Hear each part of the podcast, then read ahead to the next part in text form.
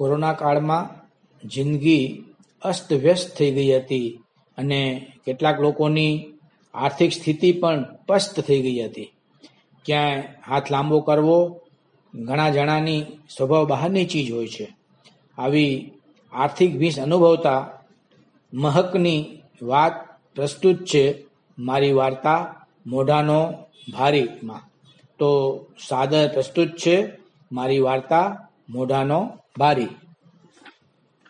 અરે યાર, આ કોરોનાએ તો લોહી પીધું છે. નમન મનોમન બબડ્યો. અઠવાડિયાથી ઘરમાં પુરાયેલ નમન જેવા ખૂબ સક્રિય લોકો માટે સમય પાસ કરવાનું ખૂબ અઘરું બનતું જતું હતું.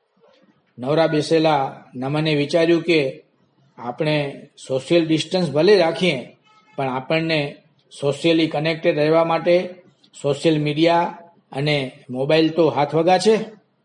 મોબાઈલ દ્વારા બધાના ખબર અંતર પૂછીને માનસિક અંતર ઘટાડવાની કોશિશ ચાલુ કરી નમને. યાદીમાં હવે નામ આવ્યું, એના કોલેજના દોસ્ત મહકનું. નમને એને મોની બાબાનું ઉપનામ આપેલું. પ્રમાણમાં ઓછું બોલતો મહક દિલનો સાફ હતો. એણે જ નમનને કહ્યું હતું કે, હું મોઢાનો ખૂબ ભારી છું. અને એટલે જ કોઈને કાંઈ કહી નથી શકતો કે કાંઈ માંગી નથી શકતો. મહક પોતાના આ સ્વભાવને કારણે જ દર્શના પ્રત્યેની પોતાની કૂણી લાગણી, ખેંચાણ અને પ્રેમ વ્યક્ત કરી શકતો નહીં. આ કામ નમને બખૂબી કરી આપ્યું અને મહક અને દર્શનાને એક કરી આપ્યા. સમયની સાથે બધા અલગ અલગ થતા ગયા. મહક પોતાના પિતાની બીમારીને પહોંચી વળવા કમાણી કરવામાં ખૂબ જ વ્યસ્ત રહેતો. કેમ છો, મોની બાબા? ફોન લાગતા જ નમને મસ્તી શરૂ કરી દીધી. પછી દર્શના તેમના બાળક અને બાપુજીની પૂછપરછ કરી. કોરોનાની તેમની જિંદગી ઉપર કેવી અસર છે તે અંગે પણ પૂછ્યું.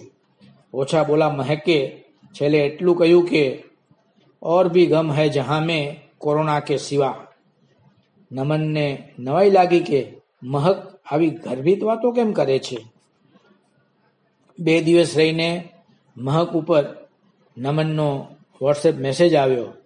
લખ્યું હતું કે, અરે યાર, તું મોઢાનો ભારી છો, પણ ક્યારેક તારી તકલીફ અમને કહે તો કાંઈ ખબર પડે ને? અને હા, જે વાત તું ન કરી શક્યો એ હું સમજી ગયો છું. બાપુજીની માંદગી પાછળ તું ખેંચાઈ ગયો છો અને ઉપરથી કોરોના વાયરસ અને તેને સંલગ્ન સમસ્યાઓ. હાલે તારી આવક પણ બંધ છે અને તારા પૈસા પણ ખોટી રીતે રોકાઈ ગયા છે. એટલે તું ખેંચમાં રહેતો હોઈશ. તું ચિંતા ન કર. તારા ગૂગલ એકાઉન્ટમાં મેં બે લાખ ટ્રાન્સફર કરી નાખ્યા છે.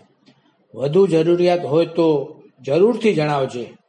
આવી મહામારીમાં પણ જો તું મોઢાનો ભારે રહીશ તો પછી મારું મોઢું પણ ફૂલી જશે. યાર થોડો ખુલીને જીવને. મહકે મનોમન શાયરી બનાવી. નથી વ્યક્ત કરી શકતો મનની લાગણી અને વાતો. મોઢાનો છું ભારી. વગર કહે સમજી જાય એવા આપ્યા છે દોસ્ત. ભગવાન, હું છું તારો આભારી. ધન્યવાદ.